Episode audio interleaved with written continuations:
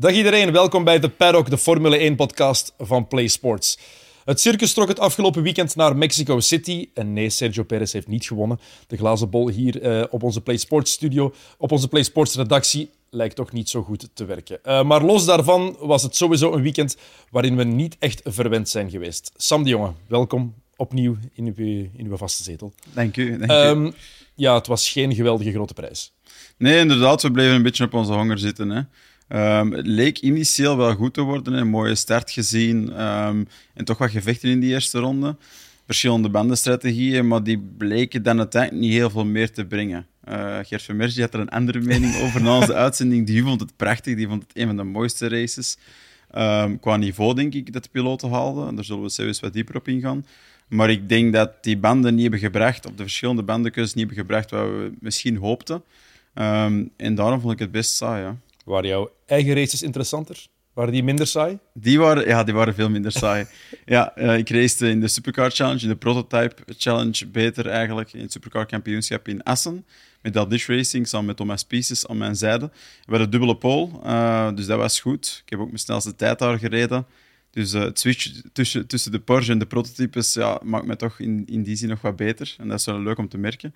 En de races, ja, wij hadden uh, als leider in het kampioenschap de meeste penalty seconds. Dus ze geven ons eigenlijk meer tijd dat we moeten stilstaan in de pitlane uh, tijdens de race, tijdens de rijderswissel.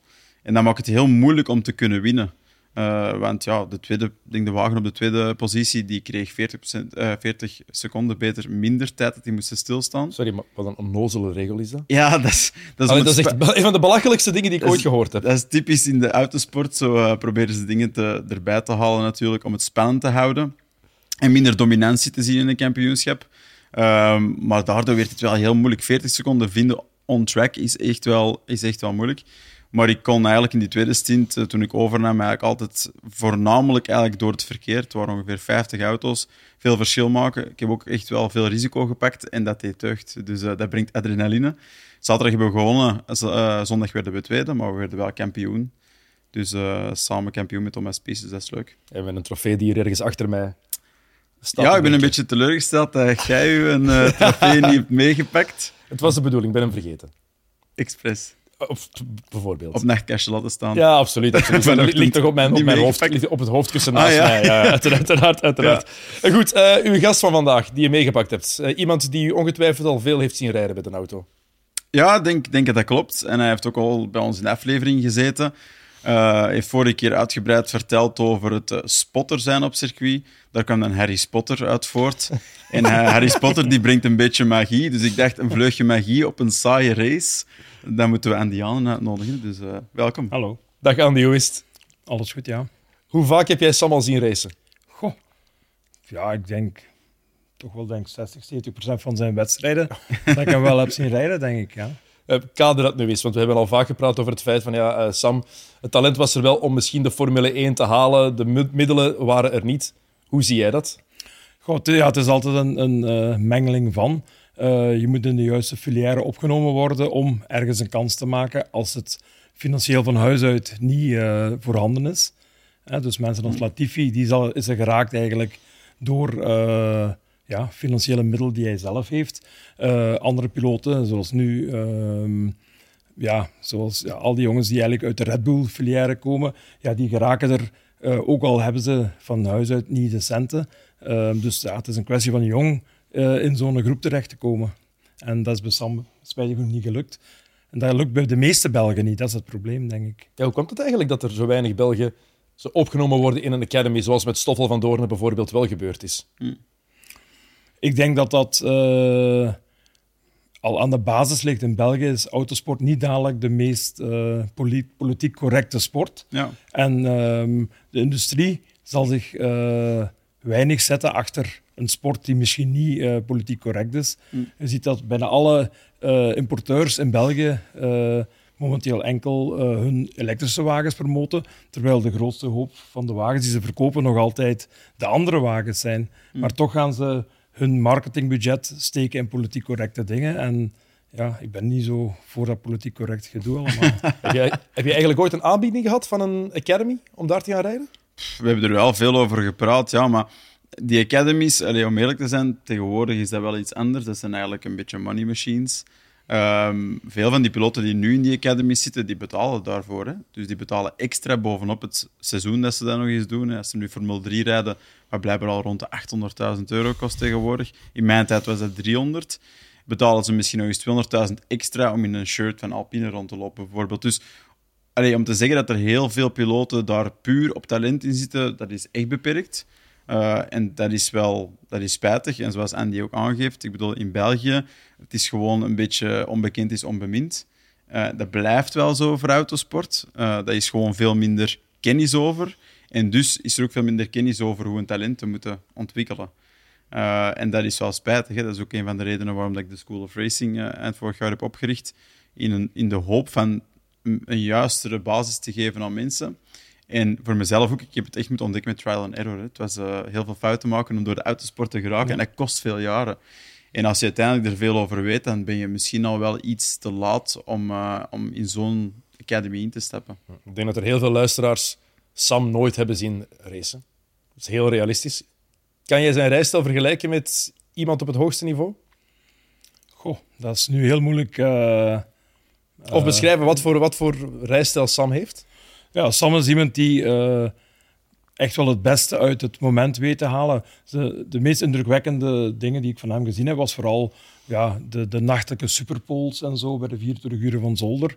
Waar dat uh, een piloot alleen op de baan zit uh, en dan ja, uiteindelijk toch rapper gaat als overdag, zal ik maar zeggen. Mm. gedurende één rondje, daar... Um, toen destijds kende ik hem matig, zal ik maar zeggen, maar toen heeft hij mij wel extreem verbaasd ook wat hij nog extra uit de wagen kon halen. En um, ja, zo'n moment, als je dat eenmaal gezien hebt, ja, dan zie je de goede dingen ook uh, in de andere races en zo. Dan zie je waar het verschil gemaakt wordt uh, binnen een team, waar heel vaak gentleman drivers zitten.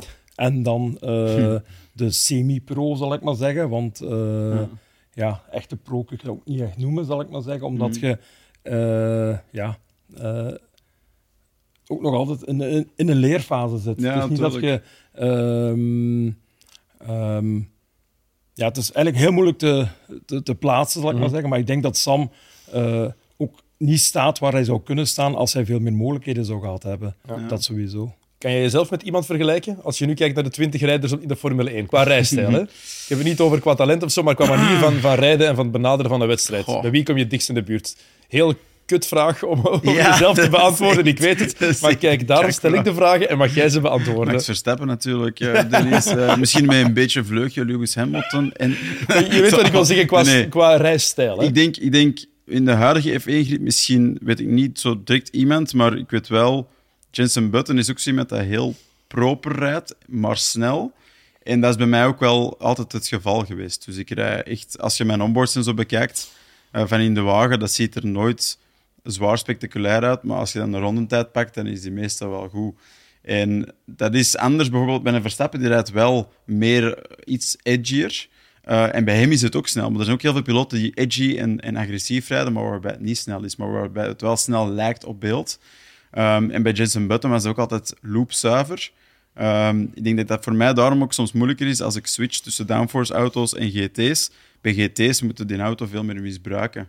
Het is minder accuraat, het is iets minder delicaat ook zo'n wagen, dus je moet daar meer over de curves bonken echt. En dat ligt iets minder in mijn aard. En ik ben ook niet zo echt geschoold vanuit de single-seaters, vanuit de eenzitters. Mm. Jensen Button vond ik in die zin altijd een goede vergelijking. Maar nu in de huidige grid...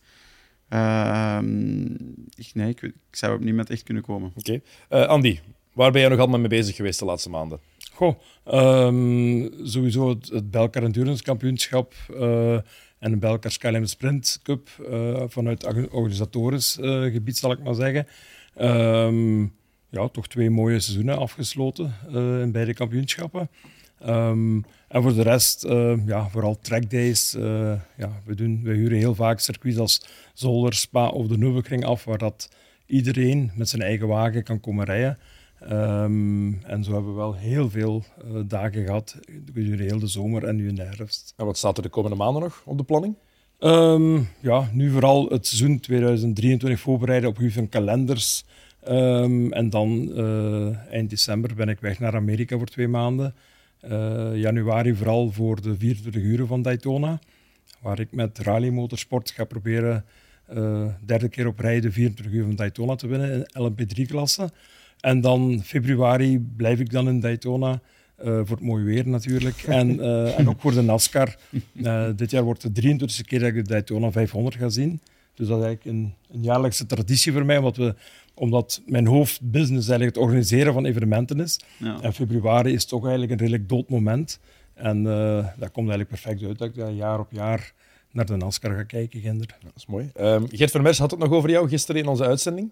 Hij noemde jou de Drift King. Ah ja. Dat, leg, leg, eens uit.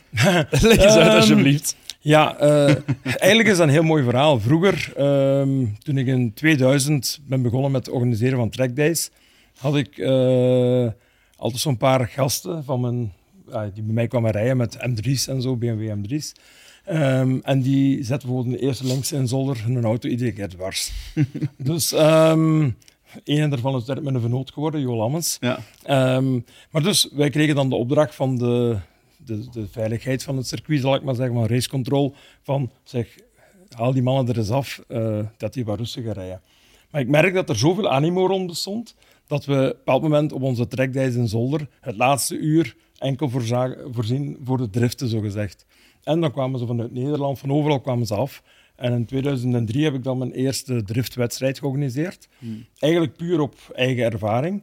En toen begonnen een paar mensen tegen mij te zeggen: ah, je moet ze laten twin battles doen, zoals in Japan. En ik zeg: Ah, zoals in Japan. Dus ik wist dat totaal niet. dat in Japan echt een competitie rond bestond. Toen ben ik daar gaan bekijken. En toen had ik zoiets van: Oh, ik dacht dat je iets had uitgevonden hier, maar dat was niet zo. en dan uh, ja, ben ik heel snel in die wereld van het driften terechtgekomen. Um, ook organiseren, maar dan ben ik ook gaan jureren, want dat is een jurysport uiteindelijk. Ja. Um, heb ik denk in, in, in, tien Europese landen heb ik uh, in de nationale kampioenschappen gejureerd en zo. GDM All-Star in Engeland, uh, op, aan Wembley op de parking, zal ik maar zeggen. Uh, op Portugal, Polen, overal ben ik gaan jureren. En ik organiseer zelf ook nog de Nürburgring Drift Cup. Dus dat doen we dan op een stuk van het Grand Prix circuit. Um, waar, dat de wagens, eh, waar de deelnemers een wagen tegen 170, 180 dwars zetten en dan een stuk van het parcours afwerken. En uh, ja, dat is ook wel iets wat, wat uh, tot mijn eh, business behoort. Zal ik maar dat is eigenlijk een, een schoonheids... Ja, een beetje wel. Ja, ja, ik bedoel, dat klinkt nu heel flauw, maar... Ja. Dat is ook zo. Is... En we hebben natuurlijk ook onze driftschool, driftschool in Zolder, zal maar zeggen. Dat doen we dat op nat, zodat iedereen met een acht uur lange dreven wagen zijn wagen kan beter leren beheersen. Maar de limiet ligt, dat is misschien belangrijk om uit te leggen, de limiet op een droge of een nette piste om te driften ligt ja, dat veel is, eh, lager. Hè? Ja, sowieso. Op een natte piste wordt alles in tweede versnelling gedaan. Ja. Uh, uw wielen spinnen wel door dat je tegen, eigenlijk op je, op je snelheidsmeter iets aan dat je 100 of 120 gaat. Maar in werkelijkheid gaat je misschien 50, 60 of zo. Hm. Um, op het droge natuurlijk, op zo'n circuit, uh, zo'n competitie. Ja, het is enorm indrukwekkend. Het is eigenlijk de, de, misschien wel de autosport die... Um, uh, is onderschat wordt? Of? Ja, en ook die, die enorm moeilijk is. Maar als je dat aan een leek toont, dan hebben ze allemaal zoiets van wauw. Dat gaan, dat gaan ze minder hebben bij, bij, bij gewone autosport, zal maar zeggen, waar af en toe actie is. Zoals nu de Grand Prix van gisteren is er eigenlijk weinig actie. En iemand die uh, aan het stappen is tussen verschillende uh, zenders op dat moment, die zal niet blijven hangen bij de Formule 1 altijd. Maar bij zoiets zou ze rapper blijven hangen, denk ik. Jij iets ooit aan meegedaan? Nee. Of iets dat op je, op je bucketlist staat van ah, misschien zo'n zo'n driftkampioenschap? Ik zou dat wel echt willen leren als in de finesse ervan, want ik, ik ben er wel fan van. En ik, heb in, ik geef in Lapland uh, elk jaar bij Curbstone wel, wel les op het ijs, uh, wat ook driften is constant, maar dus op een andere manier, omdat je banden direct doorspinnen. Dus op, op, op echt droog asfalt is het een ander verhaal, denk ik. En het is gewoon de snelheid waarbij die mannen hun auto bijna met hun gat eerst een bocht induwen. Ja dat het ongelooflijk is. Hè? Bedoel, je kijkt meestal, denk ik, in zo'n wedstrijd door je zijruit en niet door de voorste om je positie op de baan te, te bepalen. Dus ik hou zelf wel van driften, maar ik heb absoluut niet uh, de leerschool gehad. Maar ik zou het wel eens interessant vinden om te doen, om zo een echt een driftkikker te worden. Oh, wow. uh, Kom maar eens langs op de driftschool in Zolder. Ik kan, ik kan net zeggen, echt. Ja. Schrijf hem in. Andy, laat, laat, laat hem mee het kampioenschap. Ja, ja. zit er van achter. Ja, kinderzitje. met, die, met die trofee van u vast. Ja. Oké, okay, um, we gaan het hebben over de grote prijs van dit ja. weekend. Uh, de grote prijs van Mexico City. Zoveel potentieel. We hadden hoge verwachtingen. De vrije trainingen waren heel interessant. Ja. De kwalificatiesessie was interessant tot aan Q3. Tot en met Q2 Ja. was het, lag het zo dicht bij elkaar, die eerste vijf. Wat was het verschil? 63 honderdste, denk ik? Ja, zoiets, inderdaad. 63 honderdste, ik denk dat het klopt. Hè. Het was tot toen spannend en, en, als je het event bekijkt op zich, het is een uniek event. Hè. Op 2200 meter boven de zeespiegel. Het tweede circuit dat daar dan in de buurt komt, is, eh, is de volgende wedstrijd in Brazilië, op 700 meter. Dus er is nogthans hè, een gigantisch verschil tussen die twee. En dat brengt heel veel challenges. En dat zagen we dit weekend. En dat is een beetje zoals tijdens een sprintweekend, eh, maar beperkte vrije training hebben. Eh, dan heb je beperkte info. En dat zag je dit weekend ook. Eh, er is beperkte info van op, dit, op deze hoogte te racen met zoveel druk. Ehm, en ik vond dat dat zich wel vertaalde in het eerste deel van het weekend, maar op zondag kwam het er helemaal niet meer uit. Nee, de kwalificaties en de, de vrije oefensessies die, die, die gaven zoveel, zoveel hoop. Dan is het jammer dat je zo'n race als zondag krijgt, natuurlijk. Hè. Hadden we te veel verwachtingen voor Mercedes? Want daar ging het natuurlijk om voor een groot deel, die, die hoop. Ja, ik, ik denk dat vooral, eh, ik denk dat Mercedes nog redelijk meespeelde met, ehm, met, ja, met de Red Bulls. Maar vooral Ferrari viel enorm tegen. Ja. Was, als Ferrari er nog had bijgezeten waar Mercedes zat, dan hadden we nog altijd een heel boeiend weekend gehad. Maar de Ferraris zijn op een minuut gefinished ongeveer. We hebben ze Eh, ook niet, we hebben ze ook niet gezien nee, gewoon, de hele zondag. Nee, en dat vond ik vooral eh, heel tekenend. Maar het kan natuurlijk vooral mee te maken hebben dat dit jaar voor het eerst sinds zoveel jaren totaal andere aerodynamica is op die wagens. En de aerodynamica is heel anders natuurlijk op die hoogte. En ja, ze zijn allemaal met een, een clean sheet begonnen dit weekend. Want de vorige koersen hebben geen informatie gegeven voor deze Grand Prix. En ik denk Ferrari onder andere totaal mis zat.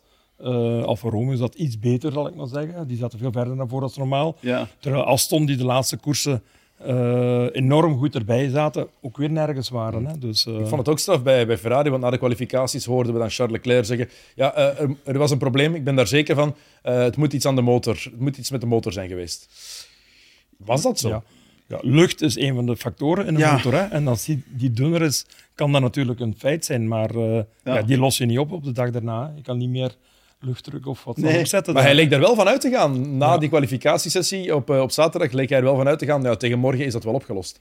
Ja, en ik denk dat dat nogthans in de architectuur van de motor eerder zit bij hun. Dat, dat, dat, Ja. Ik denk dat ze met een iets kleinere turbo rijden en dat dit dus harder moet werken. En als er dan 22% minder luchtdensiteit is, want dat is daar zo, dan moet hij eigenlijk nog meer doen om dat te compenseren van de grootte van de turbo. Compenseren. Ik ben geen ingenieur, dus ik heb het zelf ook gelezen en probeer het juist uit te leggen.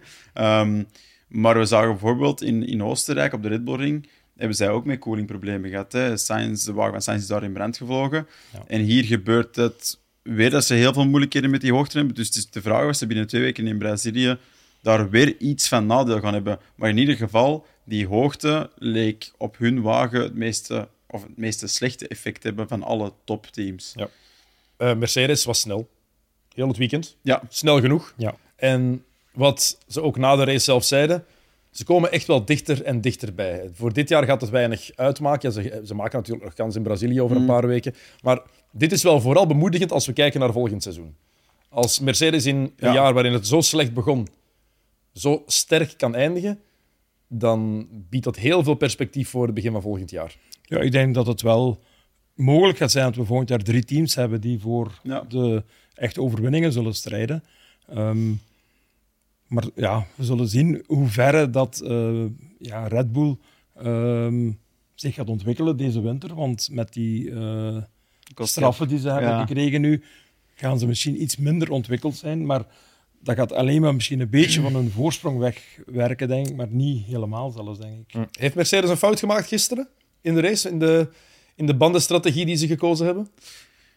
Achteraf gezien wel. En achteraf gezien is het natuurlijk altijd makkelijk om dat te zeggen eh, vanuit onze luie stoel Ehm, of zetel. Maar ehm, ik, denk, ik denk dat ze inderdaad ergens overschat hebben wat het effect zou zijn van, van die. Allez, van, de, van de. Hoe moet ik het zeggen? De cliff van die band eigenlijk. Hè. Eh, dat die minder goed werd. Ehm, en ze hebben een undercut eigenlijk van Red Bull willen voorkomen. Ze hebben vroeger willen binnenkomen om niet tot het einde van die medium te moeten rijden. Want daar hadden ze schrik, oké, die performance gaat heel hard droppen. En omdat ze dan wisten dat als ze op dat moment of zo vroeg binnenkwamen met die medium, konden ze niet zo vroeg een soft steken tot het einde. Dus dan moesten ze wel met de hard gaan. Dus ergens is hun logica niet onlogisch. Maar ze zijn toch lang doorgereden op die mediums eigenlijk? Ja, maar minder lang dan de Red Bulls. Hè. Dus in die Maar zin, in mijn ogen heeft Mercedes, achteraf. Ja, achteraf Mercedes één grote fout gemaakt. Dat is gewoon Russell niet te volgen in zijn logica. Ja. Russell heeft wel een oproep gedaan van laat mij de koers uitrijden op, op de softs. En we hebben gezien bij Ricciardo dat dat eigenlijk de snelste eh, formule zou geweest zijn, denk ik. En als ze dat met Russell zouden gedaan hebben, denk ik dat hij Perez was gaan halen. Want jullie Ja. zeiden gisteren, jij, jij en Jeffrey van Hoorn, hier eh, in, onze, in onze studio tijdens de wedstrijd, van ja, Russell moet stoppen met daarover te klagen. Hij moet luisteren naar zijn team. Wel, het gaat vooral over denk ik, de manier waarop. Ja. Ehm, ik denk dat zijn input echt wel, wel, wel eh, veel waard is. En ik vind dat ook wel knap dat hij, hij is iemand dat meedenkt. Dus hij heeft blijkbaar in de cockpit, onder alle druk, hè, zeker in Mexico, ehm, heeft, hij nog, heeft hij nog headspace over om, om mee te denken. Dat vind ik knap. Ik vind dat bij Lewis Hamilton misschien iets minder aanwezig soms. Die lijkt iets meer geëmotioneerd in de auto te zitten vaak. Uh, maar Russell die kan dat dus. En dat vind ik goed, dat moet hij blijven doen. Maar er is wel een punt dat je moet ergens geloven en aanvaarden wat je team zegt. Jij zit niet op de pitmuur. Uh, die mensen hebben 100.000 meer gegevens dan je hebt in die auto. En je kan je mening geven, maar het dan verder er niet mee eens zijn en te beginnen bikkelen om die mening. Dat weet ik niet per se of dat goed overkomt. En het is ook zo, Russell heeft dit jaar al zo, veel, zo vaak uh, gereclameerd of geklaagd Ja. over dingen dat ze hem volgens mij ook niet meer echt serieus nemen. Het is misschien meer de frequentie. Ja, ik denk dat zij minder vaak iets zou zeggen, maar hij zou dan deze Grand Prix gezegd hebben van ik wil de koers uitrijden op, op, op softs. Ja. En ze zouden dan een beetje in doog houden wat, wat uiteindelijk bij Ricardo gebeurd is, dan moet je eigenlijk wel zeggen Ja, van, dat het misschien wel de zet geweest zou zijn. We, we zagen dan natuurlijk ook de hele wedstrijd, die projecties van Pirelli. Want die projecteren de levensduurte van een band. Hoe belangrijk zijn die nu voor een team eigenlijk, die voorspellingen van Pirelli? Hou je daar zoveel rekening mee? Of ga je toch vooral af op wat je, op wat je hebt, zelf hebt gemeten tijdens de vrije oefensessies? Er, er kan natuurlijk weinig getest worden met die banden. Ze krijgen die banden op dat circuit. Ze hebben zoveel sets. Ze moeten op voorhand zeggen: ik wil er zoveel van die, zoveel van die hebben. En uiteindelijk eh, moet je nog een nieuw, paar nieuwe sets overhouden voor de wedstrijd. Maar je Hmm. kunt eigenlijk heel weinig. Hè, de meeste teams testen nooit op de harde in de trainingen, omdat ze ja, anders een set bijna weggooien. En dat is een set die normaal lang mee moet gaan. Maar ik vind vooral dat Pirelli heel zwaar in de fout gaat met die banden veel te dik bij elkaar te leggen. Eh, ik vind een, een rode band, een, een qualifying band zo gezegd, ja, die zou zoals in de jaren 80, 90 Superband moeten zijn. zijn. Dat zou zo'n band moeten zijn die eh, twee ronden meegaat Ja. en dan daarna vijf seconden langzamer is. Ze moeten veel agressiever zijn daarmee. Dan krijgen we ook mooiere kwalificaties, want daar, met zo'n band kan je echt wel 10 meter laten remmen en toch raakt dat ding wel stil door Mm. de grip en 10 meter vroeger op een gas gaan. Maar natuurlijk wel maar voor drie, vier ronden. En ik vind die banden... ehm, ja, als we zien, Vettel rijdt 37 ronden op zijn softs. Ja. Ik vind het gewoon absurd eigenlijk dat eh, je drie verschillende kleuren geeft als eigenlijk ja, het verschil maar minim is. Ja, ik denk dat die Pirelli-banden in het begin van het Pirelli-tijdperk wel veel onvoorspelbaarder waren. Toen was het wel agressiever, toen waren er grotere verschillen tussen de compounds, maar dat was niet echt ehm, gericht zo gemaakt door Pirelli. Dat was meer zo, dat was toevallig Ja. en tijdens de race kwamen ze dan achter. En dan gebeurde er van alles en die teams zeiden dan van oh, maar we kunnen hier helemaal niet vertrouwen op die band. Die banden moeten veel consistenter zijn, die moeten veel beter zijn. Natuurlijk, komende van Michelins, eh, wat een hele goede band is, dat weet iedereen over heel de wereld. Dat blijft een hele goede band. Daar kun je op rekenen. En bij Pirelli was dat niet het geval. Dus het zijn wel de teams zelf die eigenlijk hebben gevraagd naar een iets consistentere band. Maar ik denk, na al die jaren heeft Pirelli toch wel de kennis en de vaardigheden om te zeggen, inderdaad, laten we nu een beetje meer verschil maken tussen die compounds. Ik bedoel, dat is wat we in de regen ook hebben gezien in Japan. Hè? Tussen die wet tire en die intermediate. Ja, ze kiezen vaker voor die intermediate, omdat die wet dan te veel spray geeft. En, allee, er zit ergens inderdaad iets niet juist bij de banden. En dan mogen we hopen dat het volgend jaar iets interessanter kan maken. Hè? Dat Pirelli het Ja, interessanter ik denk kan dat ze maken. nu weer proberen kunstmatig interessanter te maken door de bandenwarmers te, Ja, te elimineren. Ja. Ehm, iets wat ik wel heel, posi- heel positief vind. Eh, bijvoorbeeld het IMSA-kampioenschap, 24 Daytona en zo.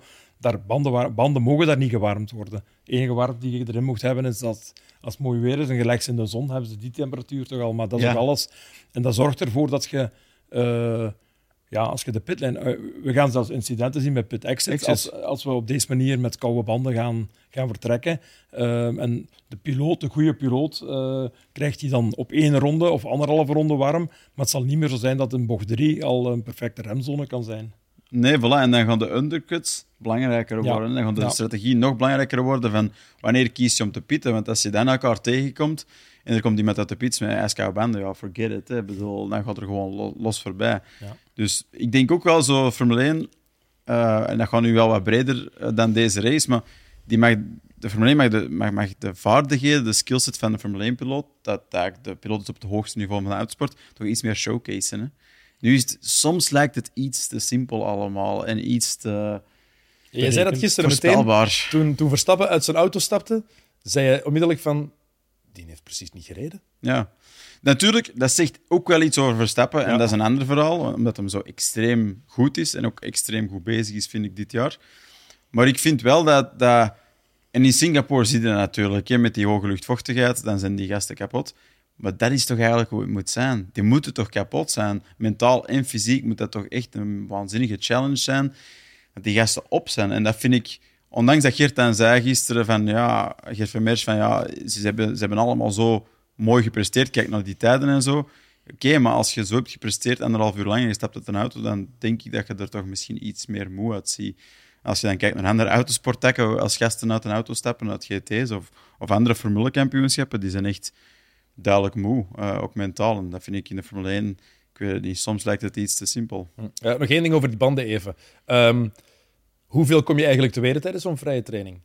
Hoeveel informatie krijg je? Effectief genoeg informatie om je eigen projecties te kunnen maken en die te, te kunnen vergelijken met die van Pirelli? Ik denk dat ze... ehm, ze werken allemaal een programma af gedurende die vrije Ja. trainingen. Maar ik denk dat het eigenlijk een... eh, ehm, het grote probleem in de Formule 1 is, momenteel vind ik, dat ehm, ja, als je een, te- één motor te veel gebruikt eh, of één bepaalde ja, unit, en als Ja, je te veel gebruikt, krijg je meteen eh, krijg je, penalties.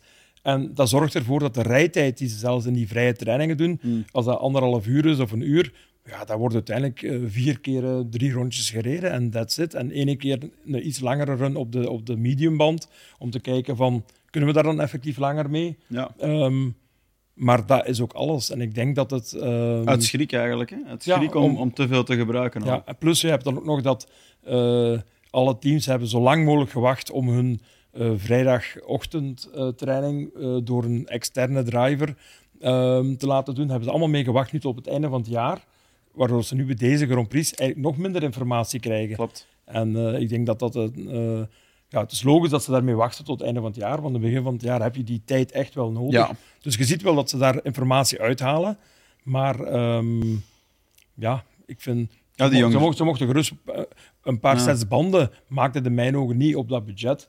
Ehm, en ik denk dat ze veel beter, ja, misschien die, die een paar sets banden extra zouden Mm. Eh, geven aan de teams per weekend. Dan kunnen ze echt wel aftasten. Ehm, en dan zou, je die, dan zou niemand nog voor een harde band hebben gekozen voor deze Grand Prix. Mhm. Ja, klopt. Ja, ze, ze hadden natuurlijk hier in deze wedstrijd inderdaad de Young Drivers in FP1. En dan hadden ze nog eens, denk ik, FP2, hadden ze die testtire van, Ja. van, van Pirelli voor volgend jaar. En Russell had daar eigenlijk geluk, die reed op de, op, de, op de band van dit jaar. En die heeft echt extra tijd gehad. En dan vind ik het ergens spijtig dat Mercedes daar niet meer mee heeft gedaan. Die hadden meer kans in die zin, meer opportuniteit om het zondag toe te passen. En ze zijn daarin heel safe geweest. Ze hebben voor beide wagens eigenlijk dezelfde strategie gebruikt. eh, waarbij ze inderdaad, dat vind ik een goeie, vond ik een goede vraag, Dennis, dat je zegt van ja, hoe hard kun je afgaan op die voorspelling van Pirelli? Ehm, ik denk dat Mercedes daar te hard van uit is gegaan. Dat die te weinig gewoon naar de omstandigheden hebben gekeken. Een beetje wat Ferrari ook al heel het jaar heeft gedaan. Of toch in het eerste deel dat er veel fouten waren, strategisch. Die keken veel te veel van onze gegevens zeggen dat. Ja, oké, maar in de race is dit aan het gebeuren. En kijk naar die andere auto's die die een band wel hebben. Reageert daarop. En ik denk dat ze daar veel te conservatief in zijn geweest. Ehm, los daarvan was er weinig te doen aan Max Verstappen. Ja. Opnieuw outstanding gisteren. Eh, nochtans, eh, het leukste moment van de wedstrijd gisteren, die start, Ja, daar, daarbij dachten we niet van oké, Verstappen is meteen weg. Nee, dat treintje dat daar gevormd werd, jij werd daar heel enthousiast van, Sam. Echt. dat was Ja, een maar- treintje bij de start. die- Dat doet mij denken aan, aan, de, aan de kartingtijden, maar ook zo aan de junior single-seater. Maar, eh, maar categorieën. natuurlijk, ik denk dat Russell in een positie zou gezeten hebben om eh, ja, je hebt bocht 1, 2, 3, zal ik maar zeggen. En dan de volgende remzone misschien iets te doen aan Ja. Verstappen. Maar dan kwam Hamilton die zag van, ah, Russell zich gaan positioneren om dadelijk gaan aan te vallen. Ik maar, dus ik zet me ernaast en met gevolg dat Hier Max... een wiel en een Max- stok. Ja, en Max was weg. Want uiteindelijk wat, wat eh, Hamilton doet tegenover Russell, zijn teamgenoten, maar bij een andere piloot zou Ja, dat ja. een straf kunnen zijn. Want hij duwt hem gewoon van de baan af. Hij, gebruikt heel, hij laat links geen ruimte voor Russell. En daardoor valt Russell zelfs achter Perez terug. Dus ik denk dat... eh, Hij verkloot, hij, verkloot opzettelijk die zijn race. ja, want, want zijn uiteindelijk Russell zat wel in de positie om misschien verder op die ronde iets Het is toch ook niet toevallig dat hij dat doet net nadat hij gezegd heeft van ja, ik wil bijtekenen en ik wil nog een paar jaar blijven. Ik ben Ja. nog bij lange niet opgebrand. Ik Ja. zie mezelf hier nog jarenlang zitten. Ja. Het is niet toevallig dat hij dan net dan even zijn ellebogen naar buiten zet om te laten zien als een jongen... Ik blijf hier de leider. I'm Ja. here. Ja, Ja, voilà. Jij, jij Ja. zit hier misschien ook de volgende jaren, maar pas op, ik blijf hier de leider, ik blijf hier de ancien, ik blijf hier de kampioen. Eh, ik zal wel bepalen hoe de volgende jaren zullen Exact. gaan. Denk waar, waar, waar Russell gefocust was, denk ik, om, om ja, misschien een aanval te doen op die eerste plaats, was Hamilton enkel Met hem te doen- bezig. bezig met- om, om voor zijn team te geraken. In die, Maar dat is die ook een boodschap die, die Hamilton ergens wilde, wilde leveren aan Russell. Ja. Daar ben ik vrij zeker van. Ja, Anders gaat hij ook... Absoluut. In de, in de pers is hij zo open geweest over het feit dat hij wilde blijven, dat hij nog lang wil blijven. Eh, dat die heeft hij niet gezegd, maar hij bewijzen dat Tom Brady wil worden van de, van de Formule 1. Ehm, ja, dat zegt ook wel iets. ja. We moeten eerst een vrouw vinden om mee te scheiden dan binnen een aantal jaar. Maar, Eerst stoppen en dan, dan terug terugkomen een paar, een paar maanden later. En dan inderdaad. Ehm, ja, nee, ik, ik denk dat dat klopt. En, en Hamilton is niet vies van psychologische spelletjes. Hè. Dat weten we al lang. Eh, welke, kamp- welke kampioen wel? Ja, dat is waar, inderdaad. Ze Dus hebben allemaal dat randje. hè. voor- elke Formule 1 kampioen heeft Ja. aan psychologische spelletjes gedaan. je teamgenoot is de eerste vijand. Hè. Ja, Daarom. Daarom. Eh, de enige moeilijkheden die, of moeilijkheid die Verstappen heeft gehad, eigenlijk, was toen zijn, eh, zijn setje softs erdoor zat. Toen hij geen grip had. Eh, we hebben sowieso gezien dat grip zoeken voor iedereen heel moeilijk was in Mexico City. Maar dat was het enige moment dat je dacht, ah, nu kan er misschien iets gebeuren. Maar lang hebben, Ja. daar, allee, lang hebben we dat niet geloofd. Nee, maar, we hebben, maar ik, ik, zeg, ik blijf erbij van de enige zet die ze hadden kunnen doen was die soft voor, voor Russell. Ja. We hebben gezien, Russell steekt die op het einde. En ik denk zijn de snelste ronde was bijna 20-1. twee, was, Ja. ja. was twee seconden rapper als wat de ander draaide. Dus daar is, hebben ze eigenlijk hun eigen fout bij Mercedes bewezen tegenover Russell. Ik denk dat Russell Mm. misschien wel heel goed geslapen heeft, ondanks zijn vierde plaats achteraf. Want Ja. hij heeft eigenlijk wel getoond van, hey, ik had het wel juist. Hè. Maar zou, zou dat soms, en soms dan denk ik van, zou Mercedes niet voor split strategies gaan om Hamilton te beschermen tegen Russell? Ik, ik denk dat echt soms, dat ze We- zeggen we- van, ja. laten we dat dan bij... Stel, dat- stel dat ze dat wel bij Russell doen, aangezien dat ze dan met Russell verder weg in het pak zitten en eigenlijk niks te verliezen hebben, en dat draait beter uit, waardoor die voor Hamilton komt, soms lijkt het toch nog wel wat ze hem beschermen. ik vond ook wel dat, dat eh, Hamilton in voorbije interviews ook heel vaak heeft gehamerd op het feit van ja, we wisten dat we niet konden winnen, dus koos ik voor extreme eh, afstellingen wa- waar ik wist dat we misschien, als het fout is, kan ik niet mee. Maar als Eh, het goed is... als het goed is, misschien wel. Ja. Het, het was meestal fout, want Russell was degene die het beste presteerde. Ja. En ik denk dat hij op dat moment bijna geëist heeft van dat ze alle twee op hetzelfde eh, strategie zouden zitten, zodat Russell er niet meer zo bovenuit kan steken. Dat ik is, denk ook, dat dat is inderdaad niet meer, Ja. de laatste races. Eh, iets tekenend voor het niveau trouwens dat Verstappen gehaald heeft gisteren. Ehm, iemand heeft me dat doorgestuurd op, eh, op Twitter. Ehm, buiten de twee rondjes onder de virtual safety car eh, heeft Verstappen op zijn mediums altijd in de 1.22 gereden. ja, Elk rondje. ja. Constant. Dat zegt eigenlijk alles als we willen, willen kunnen tekenen. Waarom is Verstappen zo goed?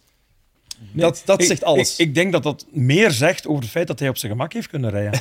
Want anders was er een, want anders was er een 21 op zijn minst moeten bij zijn. Maar gewoon dat, hij, dat, hij geen, maar dat, er, dat er geen enkel verval in zit. hoe geen dan- enkel Da- rondje. daarmee was hij ook zo fris op het einde, Ja. volgens mij. Hij heeft gewoon ja, berekend gereden. En eh, misschien een beetje gehoopt dat eh, Mercedes dacht van we hebben een kans en dat Hamilton misschien nog meer zou pushen, Ja. zodat Perez nog zou kunnen terugkomen. Ik denk dat dat meer een strategie geweest is bij Red Bull. Maar we hebben niet gezien hoe snel de Red Bulls waren in de racetrim. Hoe dan ook, het was heel gecontroleerd. Ja. Of dat nu was een beetje onder, de, onder niveau of, of dat het er spot on was. Als hij uit een auto stapt, dan denkt hij inderdaad... Hmm, dat is iemand die inderdaad wel gewoon relaxed, anderhalf Ja. uur heeft- relaxed. Hè. Op, op het niveau dat Verstappen relaxed kan zijn. Hè. Ik bedoel, zijn niveau, daar, daar, daar zouden anderen van kapot gaan hè, als ze dat moeten bereiken. Nee, allee, dat, dat is wel even belangrijk misschien om... Ik word om- al kapot van de gedachte. Ja. Je past ook gewoon niet in die auto. Dat is, Nee, denk ik. waarschijn- Je daar met kop waarschijnlijk en niet. schouders bovenuit steken. in het veld. Die knie in mijn nek. Eh, het was de Hallo. veertiende overwinning van het seizoen voor Verstappen. Eh, het was de, een recordoverwinning. hè. Eh, Veertiende van het seizoen. Niemand heeft ooit meer overwinningen in één seizoen geboekt. Wel meer races gehad. Het record ja. gebroken van eh, Schumacher en eh, Vettel. Maar, als we kijken naar de percentages. Schumacher had 72% van de races gewonnen. Verstappen zit aan 70%. Ja. Maakt het wel quasi even straf. Ja, Nee? en Ja, ja, ja. En ja, je kunt het nooit vergelijken Nee. met elkaar. Ehm, zo'n ander tijdperk. Hè. sneller tijdperk. En ook, ehm, ja, als we zien hoeveel races Ferrari in het begin van het jaar heeft weggegooid. Ehm, dus, dus het valt ook, de puzzel valt ook heel mooi voor hem. Dat was bij Schumacher misschien ook het geval, Ja. bij Vettel ook. Ja, ja. Heel er zijn altijd, zijn altijd omstandigheden die, die wel eens een keer meezitten. Ja, heel me. zeker. En, ehm, maar het is natuurlijk eh, ja, een bevestiging van zijn kracht dit jaar. Hmm. Ehm, maar om, om die recorden zo de, de hemel in te prijzen en te zeggen van ongelooflijk, vind ik ook weer niet waar. Ik denk dat veel piloten uit het verleden met hun niveau tijdens een seizoen zoiets zouden kunnen bereikt hebben. Hmm. Als, eh, als je maar twee of drie mogelijke winnende wagens zou gehad hebben.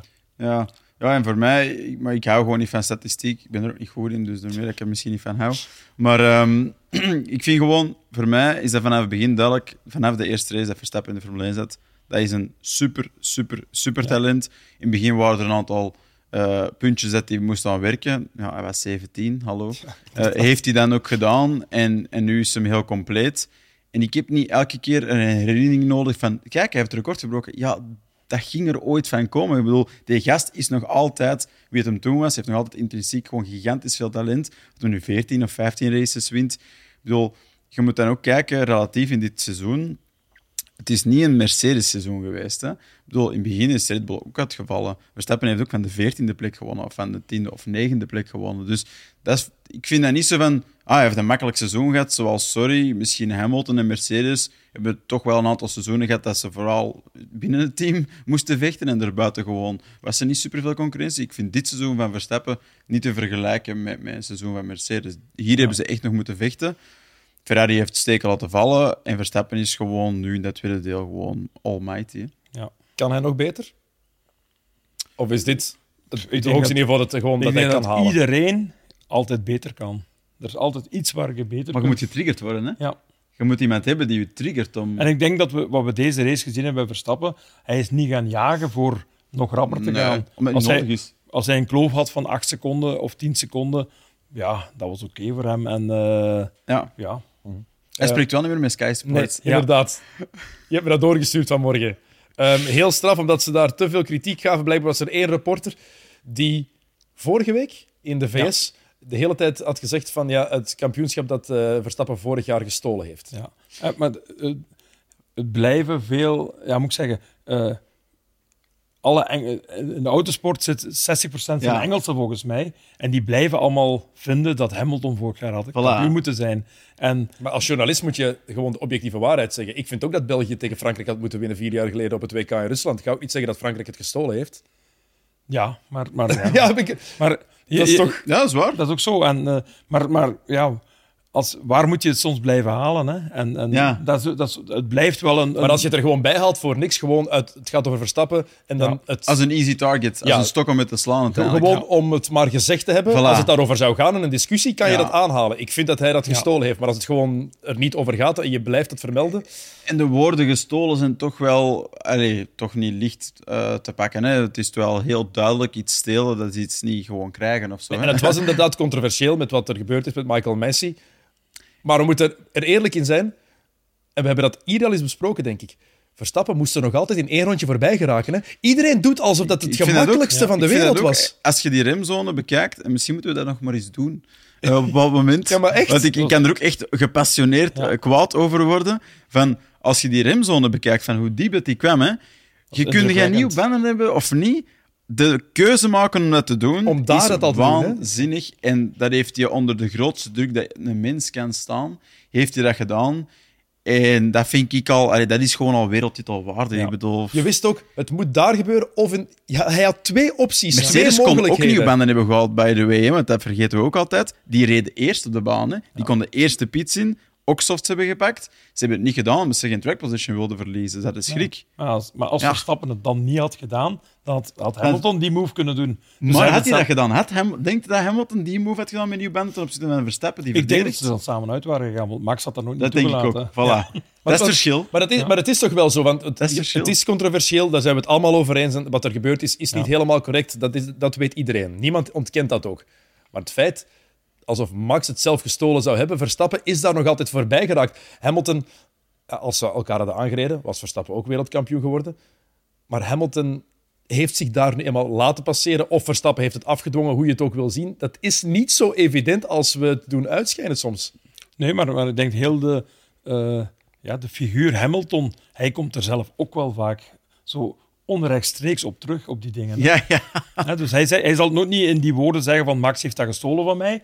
Maar, hij eigenlijk wel. Hij gaat wel zeggen, heel vaak zeggen van ja, eh, de FIA zou toch vaker eh, rechtlijnig moeten zijn. Als hij benadeeld wordt, dan, dan rakelt hij altijd toch wel een beetje terug op dat hij eind vorig jaar naar zijn mening ook niet goed behandeld is. Dus eh, hij blijft onrechtstreeks wel voeden altijd. Hè? Ja, en, en nu is het extra gevoed met die cost cap breach van, van Red Bull, dat nu eindelijk Ja. een beetje boven water is gekomen wat het allemaal inhoudt en wat de straf is. Ja, lijkt- misschien moet je het meteen zeggen wat de straf, eh, wat de straf was. Ja, de straf is geworden. is geworden ehm, is 7 miljoen ehm, is het dollars, Ja. zou, ik zou ik zeggen, ehm, dat ze moeten betalen. Wat, eigen, voor, wat voor Red Bull niks is. Wat voor Red Bull niks is, of wat toch zeker niet, niet bepalend is op een of andere manier. 7 miljoen voor Red Bull. Het is gewoon, dat, dat, is...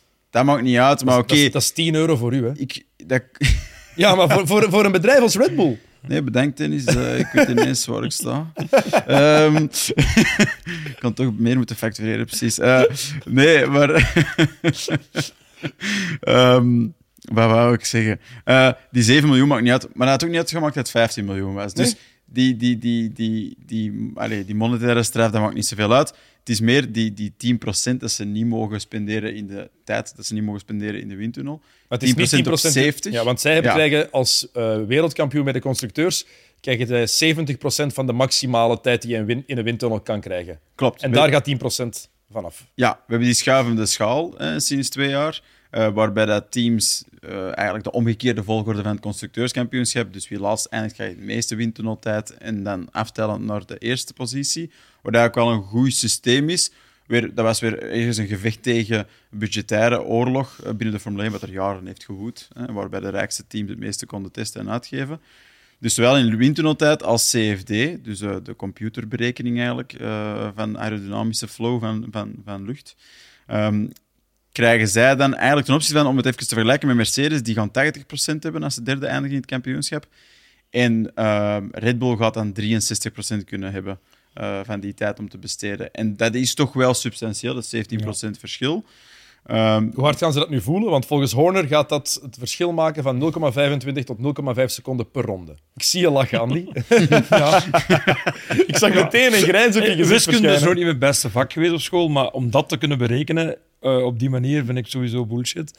Ehm, ja, iedereen zet zich heel graag als slachtoffer eh, na een straf. En eh, ja, dat doet Horner in dit geval ook. Ehm, wat iedereen zou doen natuurlijk als je een bepaalde straf krijgt. ja. Maar ehm, ik denk gewoon, Red Bull heeft in de windtunnel vorig, vorige winter veel beter werk geleverd dan alle andere teams.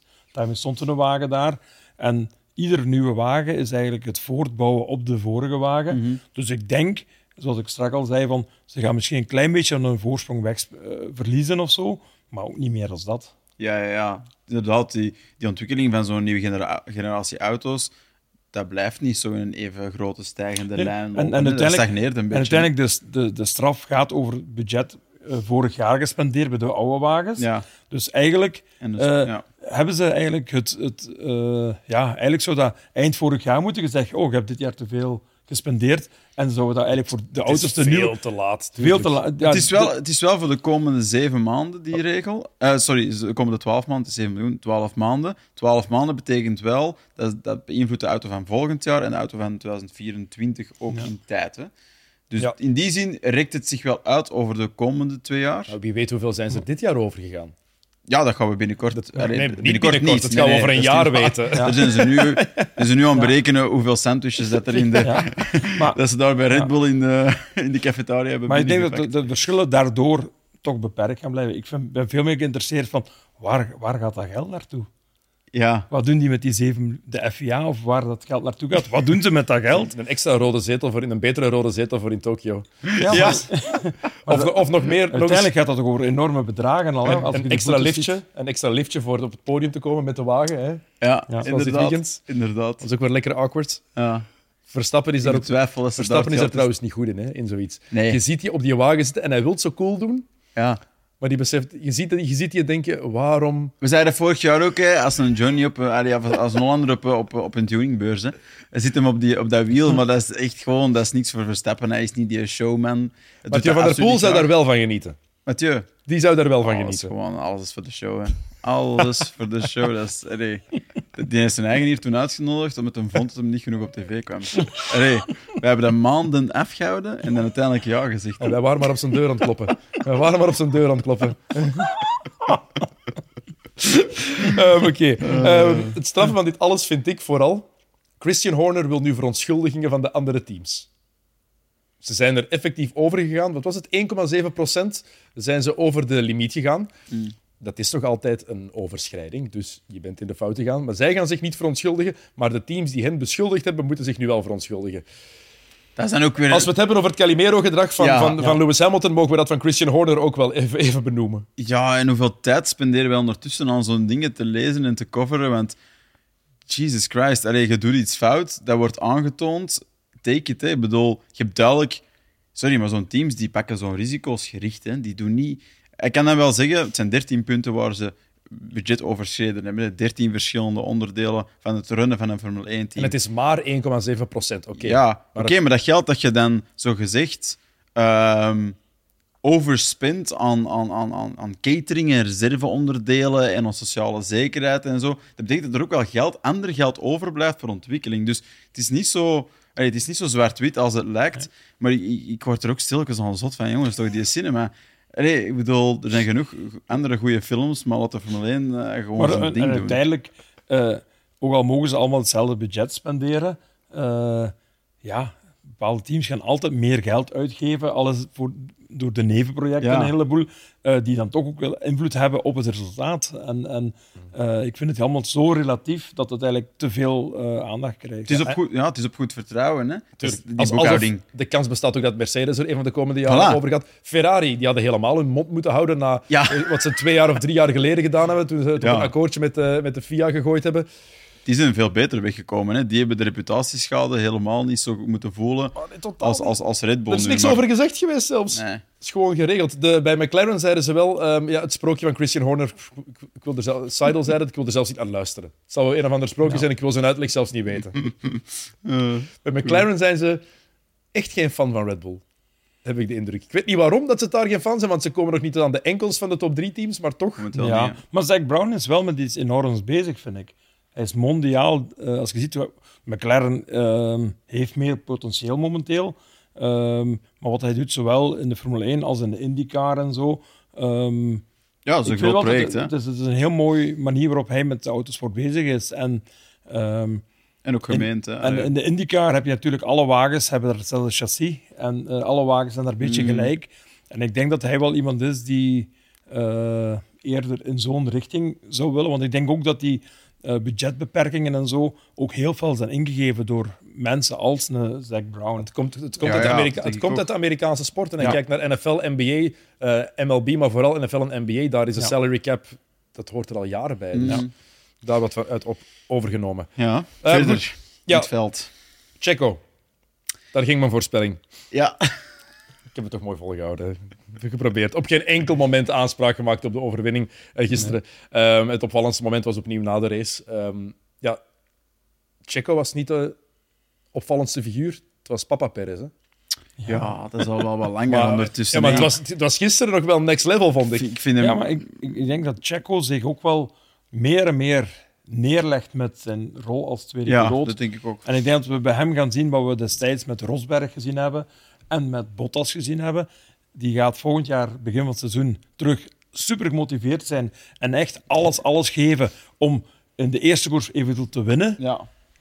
En dan hopen dat door de, door de voorsprong die hij heeft, dat hij op termijn misschien gelijk behandeld zal worden als, als Max. Of zoals vroeger Bottas met, met Hamilton en zo. Want hij was wel Eh, teleurgesteld gisteren. Hij zei het ook van, ja, ja. natuurlijk hoop ik hier wel op meer. Ja, Die derde maar- plaats, vorig jaar was hij daar nog dolgelukkig mee.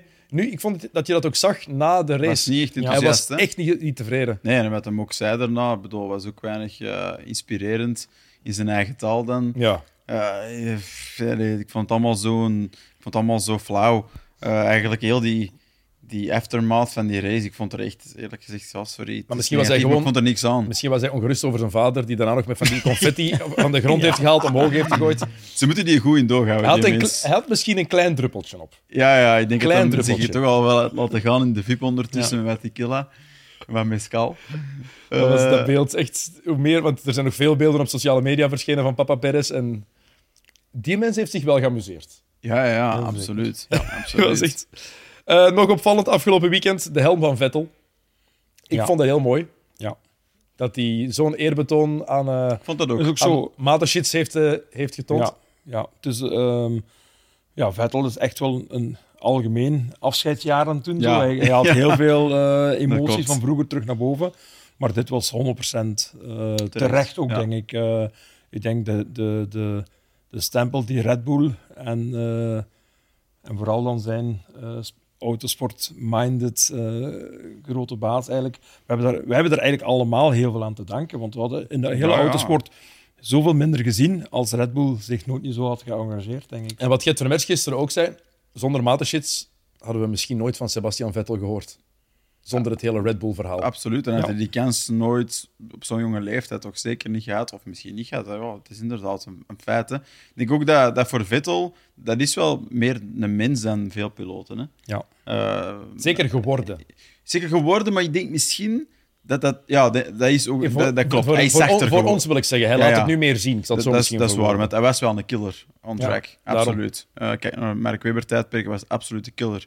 Maar ik denk misschien achter de schermen dat hij altijd wel dat menselijke heeft gehad en dat hij daarom relaties achter de schermen, wat Mateschitz was ook eigenlijk iemand die niet, goed, niet zo heel graag op de voorgrond treden, dat, Ja. hij, dat hij er wel echt een andere relatie mee had dan misschien de Red Bull-piloten na Sebastian Vettel. Dus daarom vond ik het ook wel geloofwaardig. Alleen spijtig dat, en dat is misschien makkelijk om dan ineens Aston Martin af te vinken bij deze, was, ja, ze waren niet echt ergens dit weekend. Ze hebben een sweet spot waar die auto goed werkt en dat was, Ja. dit weekend was dat gewoon niet gevonden. Ja, volgend jaar krijgen ze wel iemand bij met, die met heel veel passie rondrijdt of met passie uit zijn wagen stapt. Ja. Fernando Alonso. Voor mij het beeld van het weekend eigenlijk. Ja. Zijn, zijn wagen begeeft het. Die, die motor was volledig gedaan. Ja, De, frust- kapot. de frustratie daarna bij, bij Alonso, dat, dat zegt zoveel over hoe graag die mens nog wil winnen. Ja, hij vecht als, als een 18-jarige die, die de eerste kans krijgt hè, in zo'n wagen te rijden. En, en ja, het is... eh, Maar ook over de radio, ja. die motiverende Ja. stem. Van, dat, dat zeiden we gisteren nog, dat vind, ik, dat vind ik graaf. Van, hij motiveert het team. Ik bedoel, Ja. hoe vaak zien we dat nog in een Formule 1? Uh, En ik denk dat- horen we dat nog En ik denk dat het daarom geholpen heeft dat hij even is weggegaan. Want als je luisterde naar hoe hij praatte in zijn laatste twee jaar bij. McLaren, Ja. wat ook te begrijpen was, want hij zat in een zeepkist, maar hoe, hoe die daar gefrustreerd klonk en niet wist wat te doen en radeloos was, Het was twee letters en één cijfer meer dan de uitspraak van gisteren. Gisteren zei die engine, toen was het GP2-engine. Ja. Klein verschil. Ja, Klopt. exact. Maar nu is hij... Ja, ik denk dat dat wel helpt om even weg te gaan van die, van die sport en te voelen, oké, ik heb dit effectief gemist. Ik doe dit nog te graag. En ik vind dat je dat ziet bij hem sinds hij terug is in de Formule 1. Ja, ik, ik, ja hij, is, hij is een grote, eh, sowieso. Hmm. Ehm, maar, maar ik ben er wel even overtuigd als hij opnieuw bij Mercedes naast Hamilton zou zitten, of bij Red Bull naast Verstappen zou zitten, of want hij dan ook zo erbovenuit zou steken. Dan ben ik eigenlijk van overtuigd dat dat niet zou zijn. Want waar ik wel van schrok, Verstappen heeft al twee overwinningen meer dan Alonso in zijn hele carrière. Vond ik een heel opvallend...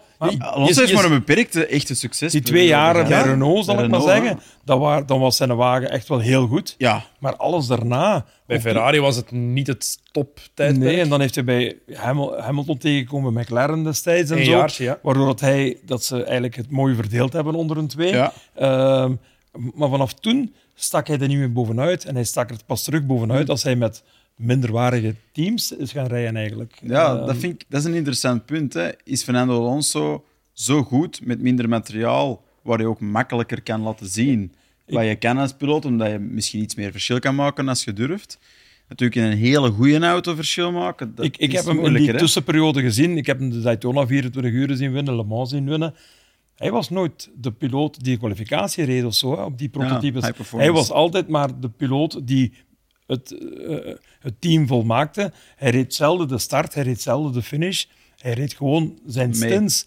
En dus dat is volgens mij ook wel tekenend. Dat hij, hij is wel heel goed natuurlijk, Mm. maar ehm, ja, We gaan het misschien nooit weten. Hè. We gaan dat nooit Allee, we weten. gaan het nooit weten. We gaan het nooit weten. Hij gaat Ja. nooit meer een kans krijgen Nee. bij een topteam, vrees ik. Tenzij Aston Martin Ja. nu zo'n sprong maakt. wordt. Want als, met degene wat we gezien hebben van Vettel eh, in, in Amerika In Austin, bijvoorbeeld. ja. ehm, ja, Zou je kunnen ik, geloven. ik denk zo, als, als je nu hetgene wat we, wat we allemaal voelen dat, dat Alonso meer kan, ja, dan had hij volgens mij in, eh, had Alonso met die wagen misschien wel voor het podium kunnen gaan in, Mm. in Amerika. Dus, eh, maar dan moeten we, dat zullen we misschien volgend jaar wel kunnen zien. Oké, het laatste van vandaag dan. Ehm Ricciardo.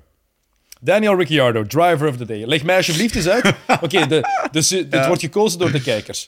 Maar dat je het kan toelaten om iemand driver of the day te maken als die in die race iemand anders van de baan heeft geramd, gat in die keel zijn auto heeft gereden.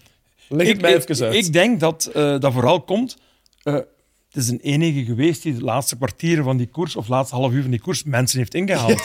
dat is hè. enige. De enige. Al de rest heeft gewoon Ja. zijn positie behouden. dat is echt... Maar is er, ook niet, is er ook niet zo een... Zo een, een, een eh, hoe moet ik het zeggen? Heel de wereld is aan het cheeren voor, voor Daniel Ricciardo om, om het nog eens goed te doen. Ja. Ja. En als het dan boven komt, zoals gisteren, waar eigenlijk ook wel een beetje samenloop van omstandigheden is, en niet enkel is omdat hij een waanzinnige koers heeft gereden, dan denk je dat iedereen zo... Ah, iedereen is zo blij van... Danny Rick doet het toch nog eens. Maar kijk, als, als we zien dat hoe hij eigenlijk eh, die posities allemaal heeft gewonnen en dan nog genoeg tijd heeft uitgelopen om zijn positie te houden uiteindelijk, ondanks zijn penalty, had Yuki ook wel kunnen meewerken. Hij wist dat hij aan het rijden was tegen iemand met zachte banden. Ja. En het was eigenlijk ook een maat voor niks. Hij heeft, hij heeft zelf, neem dat ze door die bocht gauw geraakt zijn, in de, in de volgende bochten was, was Ricardo Was sowieso zo voorbij gegaan. En nu heeft Yuki gewoon ook, ook vijf seconden verloren eh, door de deur daar dicht te doen. Ook al zouden ze elkaar niet geraakt hebben. Dus ik denk dat het een beetje Ja. naïviteit was van Tsunoda ook zo. Van, Ja, eh, ik vind dat de fout ligt voor mij evenveel bij Tsunoda Ja? als bij Ricardo. Zijn veeklus van Sonoda is knap, maar dat moet soms zich nog vertalen in intelligent rijden. Ja. Hè? Want tijd verliezen met iemand die achter u zit, dat is ook dom. Hè? Ik bedoel, je kunt je beter laten gaan als je er toch over gaat komen. maar nog de bochten, slipstream even. Voilà, en dan, allee, dan blijf je relatief in de race ook op een betere track position zitten. Dus, Ja, eh, Ricciardo zelf zei, als we elkaar 30 centimeter meer hadden gegeven, dan hadden we geen enkel probleem gehad. Ja, Dat was Tsunoda een grote geweest, hè? die 30 seconden mee. nee, nee, maar ja, dat klopt wel.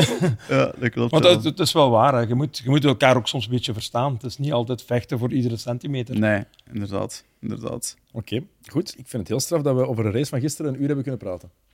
Ja, inderdaad. Klopt. Er heeft mij in mijn argument nog wel eens mooi doorgestuurd dat ze daar een chicane kunnen aanleggen, de mix-chicane. Wauw. Ik vond dat een mooie. En Een ik hele goeie. En ik dacht, ik kan hem zeker meepakken. En ik was er een moment aan het zoeken, maar er was nergens een moment om hem tussen te plaatsen. Hier is hem, de mix-chicane. En wel, ik vind dat een goede Perfect om op af te ronden.